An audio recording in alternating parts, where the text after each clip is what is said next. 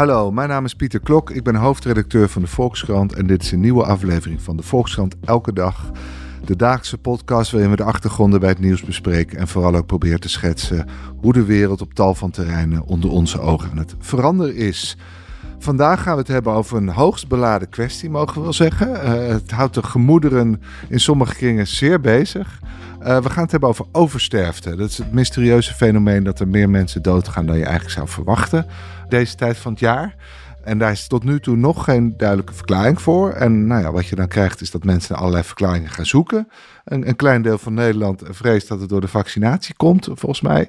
We gaan het helemaal doorspreken wat er nu precies aan de hand is met uh, de journalist van het jaar uh, onze wetenschapsredacteur die al uh, ruim twee jaar, over, bijna drie jaar inmiddels over corona schrijft. Maarten Keulemans, welkom Maarten. Hi Pieter. Om te beginnen, hoe, om hoeveel doden gaat het? Nou? Hoeveel mensen sterven er meer dan je zou verwachten? Nou, het is, op het moment is het iets van 10% eh, meer dan je zou verwachten. En het gaat in golven. Corona is gekomen. De eerste golf hadden we een oversterfte van, van iets van 8400.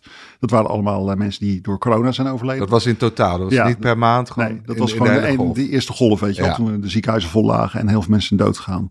Daarna is een golf geweest van, met een oversterfte van 9500. En uh, dat waren toen, ja, gek genoeg waren er toen meer coronadoden dan dat er oversterfte was. Dus dat wordt ook helemaal verklaard door, uh, door corona. En daarna is eigenlijk, zie je dat bij die uh, golven van oversterfte, wordt het niet meer helemaal verklaard door mensen die overlijden aan corona. Er blijft okay. altijd een deel over, die gewoon meer sterven dan je had verwacht. Maar uh, dat zijn geen coronadoden. En als je het allemaal optelt, dan kom je erop uit dat er nu iets van, nou ja, een stuk of 10.000 mensen zijn overleden in het land. Uh, meer dan we hadden verwacht in de afgelopen drie jaar, waarvan je het niet precies weet waaraan ze zijn overleden. En dat moet je dan, ja, weet je wel, uh, afzetten tegen de 45.000 alweer uh, mensen die zijn overleden aan, aan corona in ons land. Oké, okay, dus in het begin was de, de oversterfte was helemaal corona. Toen in de tweede golf waren eigenlijk, was de oversterfte iets lager dan zeg, corona. Zegt zich ook maar helemaal corona. En, ja. en daarna werd het eigenlijk steeds meer ja, een deel onverklaarde oversterfte. Maar terwijl je eigenlijk, uh, er werd ook nog wel eens gesproken over ondersterfte. Want door corona waren vooral ook oude mensen die al meerdere aandoeningen hadden, die uiteindelijk bezweken door dit virus. Er was het idee dat misschien na corona de sterftecijfers juist lager zouden ja. liggen. Ja, dat, dat, is dus niet gebeurd. En nee. dat wijst er eigenlijk op dat gewoon ook de hele uh, patronen van sterfte toch echt anders zijn geworden.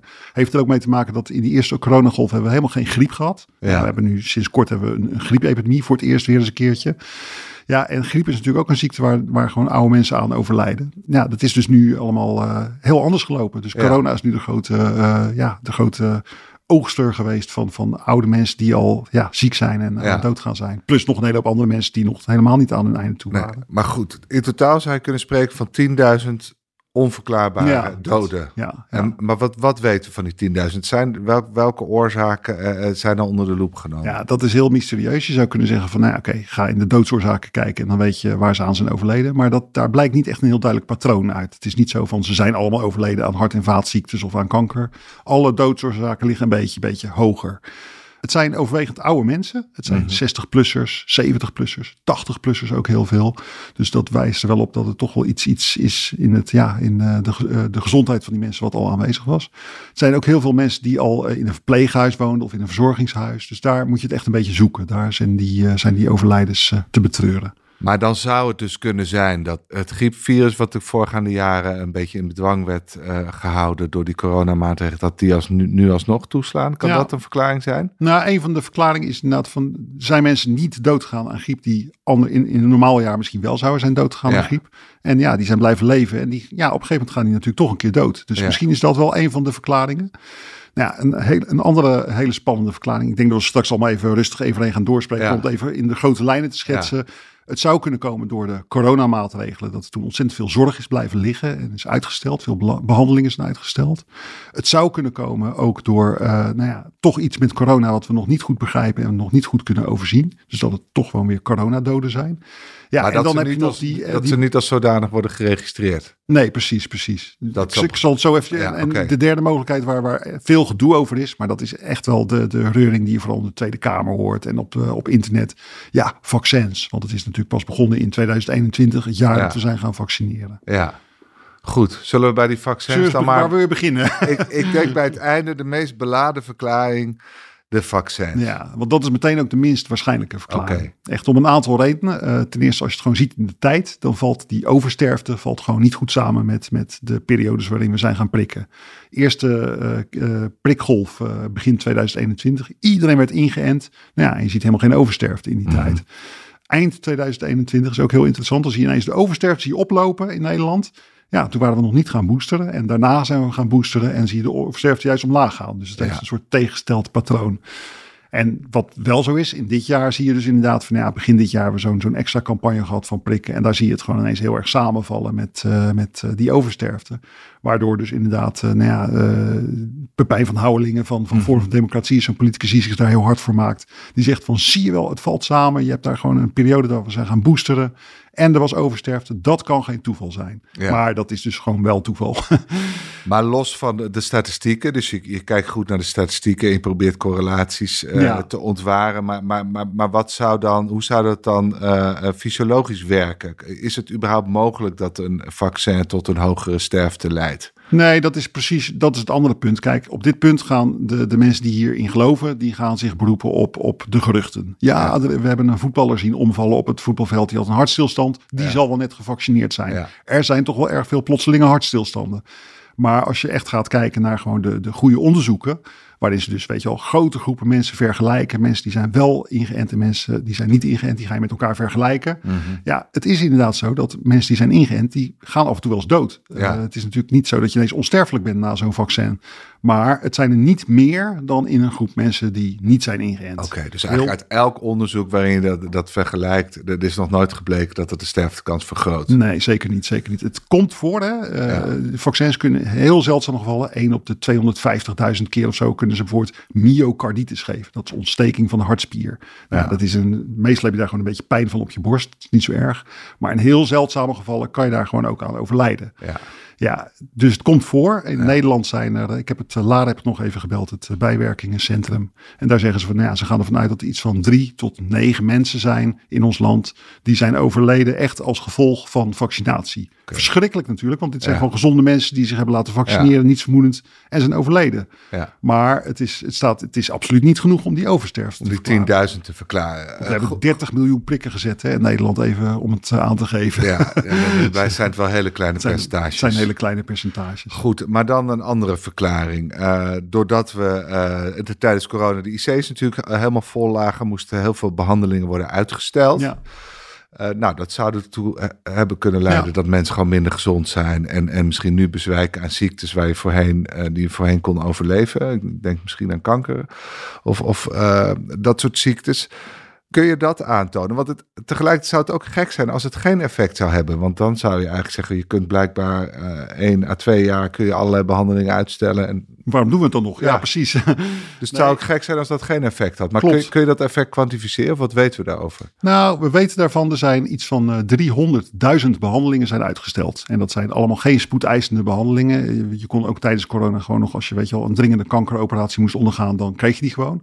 Maar het gaat dan om dingen als uh, staaroperaties, uh, knieën die moesten worden geopereerd, heupoperaties. Dat is allemaal uitgesteld. Daarnaast had je het effect dat een hele mensen die waren gewoon, ja, zeker in het hoogtepunt van corona, waren oudere mensen die waren gewoon bang om naar de dokter te gaan. Ik merk zelf dat ik een keertje ook een, ja, zo'n niet zo heel belangrijk huisartsenbezoekje heb ik toen gewoon maar niet gedaan. Want ja, coronatijd, dan zit je daar in die wachtkamer, je weet niet hoe het allemaal gaat. Dus dat is ook nog een keertje een, een uitsteleffect wat er ook nog eens bij komt. En je kunt je heel goed voorstellen dat dat allerlei subtiele effecten heeft. Dat het mm bijvoorbeeld toe heeft geleid dat mensen die, nou ja, weet je wel, mensen die toch dat verdachte plekje hadden, ja, dat daardoor net hun kanker te laat is ontdekt. Of mensen die een beetje last hadden van, van hun borst, dat ze daardoor een hartaandoening eh, te laat is ontdekt. Er zijn nu op dit moment zijn er allerlei onderzoeken die gaan dat echt rustig uitpuzzelen. Nou, ik vond een heel mooi voorbeeld trouwens. Ik heb gesproken met een van die, uh, die onderzoekers die daar uh, naar aan het kijken is. Dat was iemand van het Alzheimer Centrum. En die zei van ja, uh, Alzheimer-patiënten zijn misschien sneller verslechterd door uh, corona. Omdat ineens het, het, bezoek viel weg. Ze kregen de kleinkinderen niet meer elke zondag op bezoek. Ze konden niet meer naar de dagopvang. En dan heb je het over gewoon, ja, weet je wel, dementie, gewoon een ziekte. Waarvan ja. ik denk van dat gaat in een constant tempo, scheidt dat voort. Maar op het moment dat je die regelmaat weghaalt voor die mensen, dan kunnen ze gewoon sneller verslechteren. En dat is dus een van de hypotheses. Dat misschien zitten daar inderdaad mensen bij die gewoon daardoor sneller zijn doodgegaan dan dat ze anders uh, zouden zijn doodgegaan. Dus al die mensen die in die verpleeghuizen na sommige maanden helemaal geen contact meer met hun familie konden hebben, uh, die ook in eenzaamheid zijn gestorven, ja. toen, die kunnen dusdanig verslechterd zijn dat die nu pas in de sterftecijfers terechtkomen. Ja, afschuwelijk, maar dat, dat zou inderdaad een verklaring kunnen zijn. Oké, en wat, wat houden we dan nog over corona zelf? Toch? Ja. Dat, dat er misschien, en, en, en, en hoe moeten we dat voor ons zien? Er zitten eigenlijk twee dingen achter. Het ene ding is, je hebt zo, misschien zoiets als onopgemerkte corona. Met name oude, dementerende mensen en zo. Mhm. Die, die, die, zie je vaak niet goed dat ze corona hebben. Dus die zul je dan misschien niet testen. Die mensen, ja, die oudjes, die lopen allemaal een beetje te snotteren en, en ze zijn gammel. Eh, om het heel simpel te zeggen. En daar zie je dus inderdaad ook van dat corona niet altijd wordt herkend. Dus dat zou een, kunnen zijn. Hè? Het zou een deel van de verklaring kunnen zijn. Het aantal coronadoden ligt dan veel hoger eigenlijk dan we denken. Maar er is nog iets, iets anders wat uh, best wel verontrustend is. Uh, Amerikaanse onderzoekers hebben namelijk eerder dit jaar ontdekt dat ook mensen die gewoon simpele corona hebben gehad, mm zoals weet je wel, je hebt twee weken thuis met, met corona, dat in de periode daarna hebben die mensen een verhoogde kans op allerlei akelige hart- en vaataandoeningen. hartaanvallen hartaanvallen, beroertes, uh, longembolie, trombose. Eh, heel naar om te bedenken. Uh, tot een jaar na dato uh, zagen die onderzoekers zagen gewoon dat mensen die milde corona hebben gehad, dat die gewoon een hogere kans hadden op dat soort dingen. En Alle, allerlei aandoeningen. Die, allerlei, waarbij, alles wat te maken waarbij heeft de relatie met het virus totaal onduidelijk is geworden. Niet helemaal, want corona, daarvan is bekend dat het een, een virus is wat uh, ook, uh, behalve de luchtwegen valt het mhm. aan, maar het valt ook je, je, je vaten, eh, je bloedvaten aan. Uh, die receptoren die zitten ook in je bloedvaten. Dus het is bekend dat het virus ook, ja, het wordt wel eens gezien van het is niet echt alleen maar een luchtwegvirus, het is ook gewoon een, een, een, ja, een bloedvatenvirus.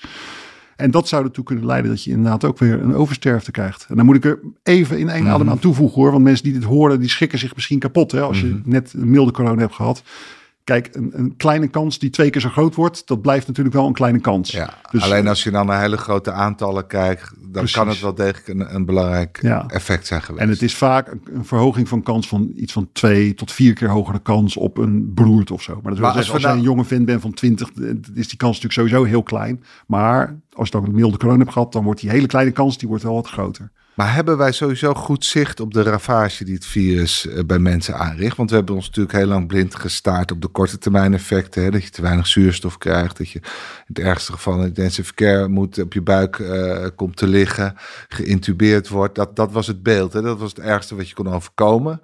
Nou, toen ging we al snel zien, hé, hey, dit is ook long COVID. Kunnen we volgens mij nog niet helemaal fysiologisch verklaren waarom dat bestaat? Of wat weten we van de ravage die zo'n virus kan aanrichten bij nou, mensen? dat is een hele goede vraag. Dat is, dat is eigenlijk nog een beetje onbekend. Uh, long COVID is een heel mooi voorbeeld daarvan. Je weet dat, mensen, dat er veel mensen zijn die inderdaad uh, heel langdurig nog uh, allerlei klachten hebben. vaag in het hoofd, vermoeid, benauwd, hoofdpijn, niet meer kunnen ruiken, niet meer kunnen proeven. En hoe dat precies komt, ja, er zijn gewoon verschillende theorieën over. Er zijn mensen die zeggen van ja, het virus zit misschien nog ergens in je lichaam en houdt zich nog ergens schuil. Er zijn theorieën die zeggen van ja, het is iets, doet iets met je bloed. Je krijgt een soort microklonteringen in je bloed uh, en, en dat, dat gaat zich wreken. Er zijn eh, theorieën die zeggen van ja, je immuunsysteem gaat nog door terwijl het virus lang weer weg is. En ja, uh, de wetenschap gaat uh, meestal niet over één dag. Hè. Dat wordt heel geduldig wordt dat uitgezocht. En nog elke week staan er in de, de vakbladen die wij dan als wetenschapsredacteuren bekijken. Zie je altijd weer nieuwe onderzoeken langskomen. Ja. Nieuwe onderzoeken naar dat geurverlies, het smaakverlies. Ja. Hoe komt het dat je zo vaag in je hoofd wordt? En het ingewikkelde is ook nog dat je inmiddels heel veel varianten hebt. Dus, dus uh, ja. Wordt, wordt nu naar alle varianten evenveel onderzoek gedaan of richt zich nu helemaal op de Omicron, de enige die nog zo'n beetje over is? Ja, kijk, weet je, dat moet je een beetje zien als een soort verstorende factor. Het is bijvoorbeeld bekend dat uh, van de allereerste varianten, daar krijg je veel meer kans op long-covid. Mm -hmm. En uh, als je gevaccineerd bent, dan heb je minder kans op long-covid. En met de latere varianten heb je nog minder kans op uh, long-covid. Dus, dus je moet dat een beetje zien als gradaties. Het zijn ja. meer welke variant dus, je bestudeert. Oké, okay, maar het werkt wel. Maar het zijn allemaal coronavirussen en ze doen natuurlijk allemaal wel hetzelfde. Het is niet dat je van de ene ineens, laten we zeggen, groen uitslaat en van de andere, ja, gewoon normale coronaklachten krijgt. Ja.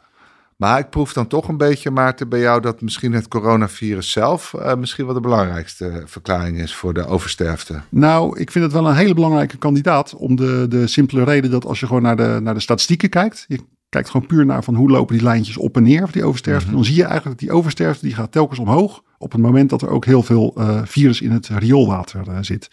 Dus dat is best wel een sterke hint om te pleiten van ja, dat het toch iets met het coronavirus te maken heeft. Dus, dus tijdens coronagolven is er gewoon meer oversterfte. Ja. Ja, en aan de andere kant, ik vind de andere belangrijke kandidaat is toch echt wel die uitgestelde zorg. Uh, omdat je, nou ja, je zegt het perfect. Je kun je niet voorstellen dat het niet zo zou zijn. Dat is natuurlijk gewoon, uh, gewoon reden één. Ja, en ik ken ook wel hele verstandige mensen die uh, zeggen gewoon van ja, wij, wij zien gewoon in onze praktijk zien wij gewoon ineens bijvoorbeeld meer mensen met meer gevorderde kanker. Ja. En dan, ja, dan, dan ga je er natuurlijk ook eerder aan dood. Maar dan zien mensen het gewoon te laat. Of hebben ze het te laat gezien? Nou ja, weet je, een interessant ding wat daaronder ligt. Ik sprak met uh, iemand die ik, uh, nou, waarvoor ik best wel bewondering heb gekregen. Eline van der Broek uh, heet mm zij. Dat is, zij, was, zij zat bij herstel.nl. Zij is zorgeconoom. Zij zat een beetje in die, in die contraire hoek van allemaal onzin, tegen de maatregelen, tegen mondkapjes. Zij zat een beetje in die hoek van herstel.nl. Ja. je kent ze nog wel.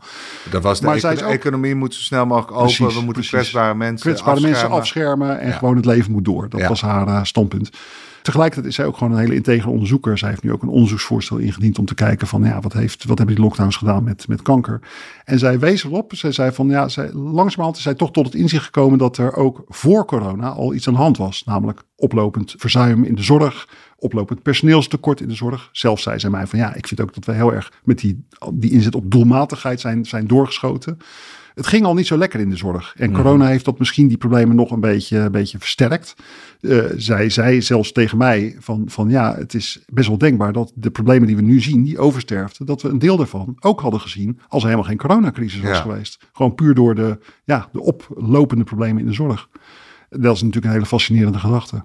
Maar dan is het op een gegeven moment geen oversterfte meer. Dan is het gewoon dan dat is dan nog wel oversterfte, maar het komt structureel hoger doordat we ons zorgstelsel niet op orde hebben. Ja, eigenlijk wel. Wat je dan eigenlijk zou zien, hè, wat je bijvoorbeeld in Amerika zie je dat heel sterk, dat gewoon de levensverwachting lager wordt. Ja. En dat betekent dus dat gewoon dat plafond dat wordt wat lager en dat vertaalt zich dan in de statistieken dat er gewoon een tijd is dat je oversterfte ziet.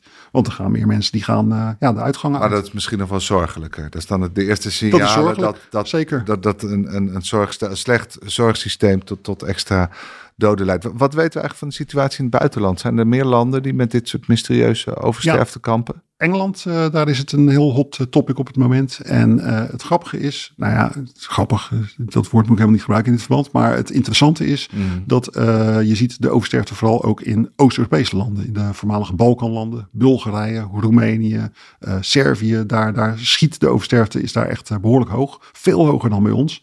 En in de Scandinavische landen, in Zweden, Denemarken, daar is de oversterfte juist weer heel laag. Wat overigens ook meteen weer pleit tegen, tegen die vaccins. Want als er ergens is waar ze echt goed hebben gevaccineerd, dan is het wel Zweden. En ze hebben daar nauwelijks oversterfte. Denemarken ook. Hè? Denemarken ook, precies. Ja. Maar, maar, maar wat is dan wel jouw verklaring? Want wij gaan dan gelijk op met Oost-Europese landen. Wat, wat, is de gemeenschappelijkheid? Of, of... Nou, dit hint weer erop dat het toch ook iets te maken heeft met gewoon ja, de manier waarop uh, uh, regeringen, overheden reageren op, op de problemen in de zorg. Ja. En uh, ja, weet je, het is natuurlijk heel veel zeggen dat ze bijvoorbeeld ook in, in de voormalige Oostbloklanden, in Oost-Europa, daar hebben ze gewoon zich echt wat minder goed, uh, ze hebben daar gewoon sowieso meer COVID-sterfte gehad.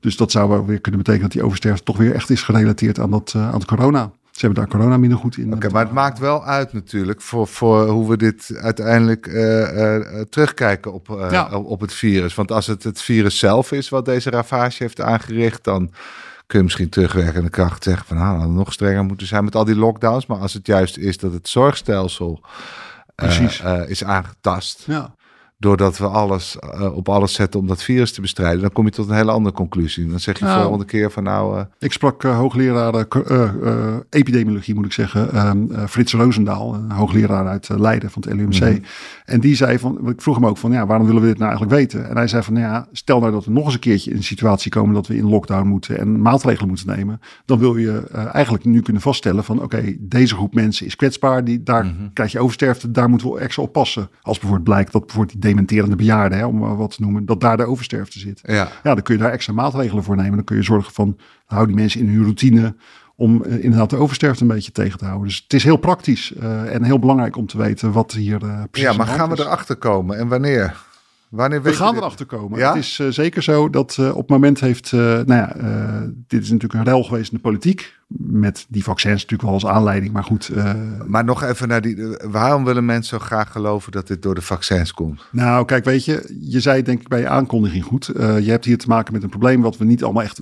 We weten het gewoon niet. Er zijn 10.000 mensen zijn doodgegaan en niemand weet hoe het komt. En dan krijg je gewoon het effect dat iedereen zijn favoriete theorie hierop gaat, gaat projecteren. Ja, die ze dus al hadden. Dat, ja, je ziet dus dat de mensen die al altijd al waren voor strenge coronamaatregelen, die zeggen echt van, zie je wel, dit is een effect van corona. Ja. Mensen die tegen de lockdowns waren, die zeggen van, ja, dit krijg je nou door die lockdowns. Ja. En ja, de, de, de, de wappies tussen aanhalingstekens, die gaan zeggen van zie je wel, het komt door de vaccins. Ja. Dus, dus dat is een beetje het spanningsveld waarin we zitten. Maar daar kun je als, als wetenschapsjournalist bijna niet tegen op.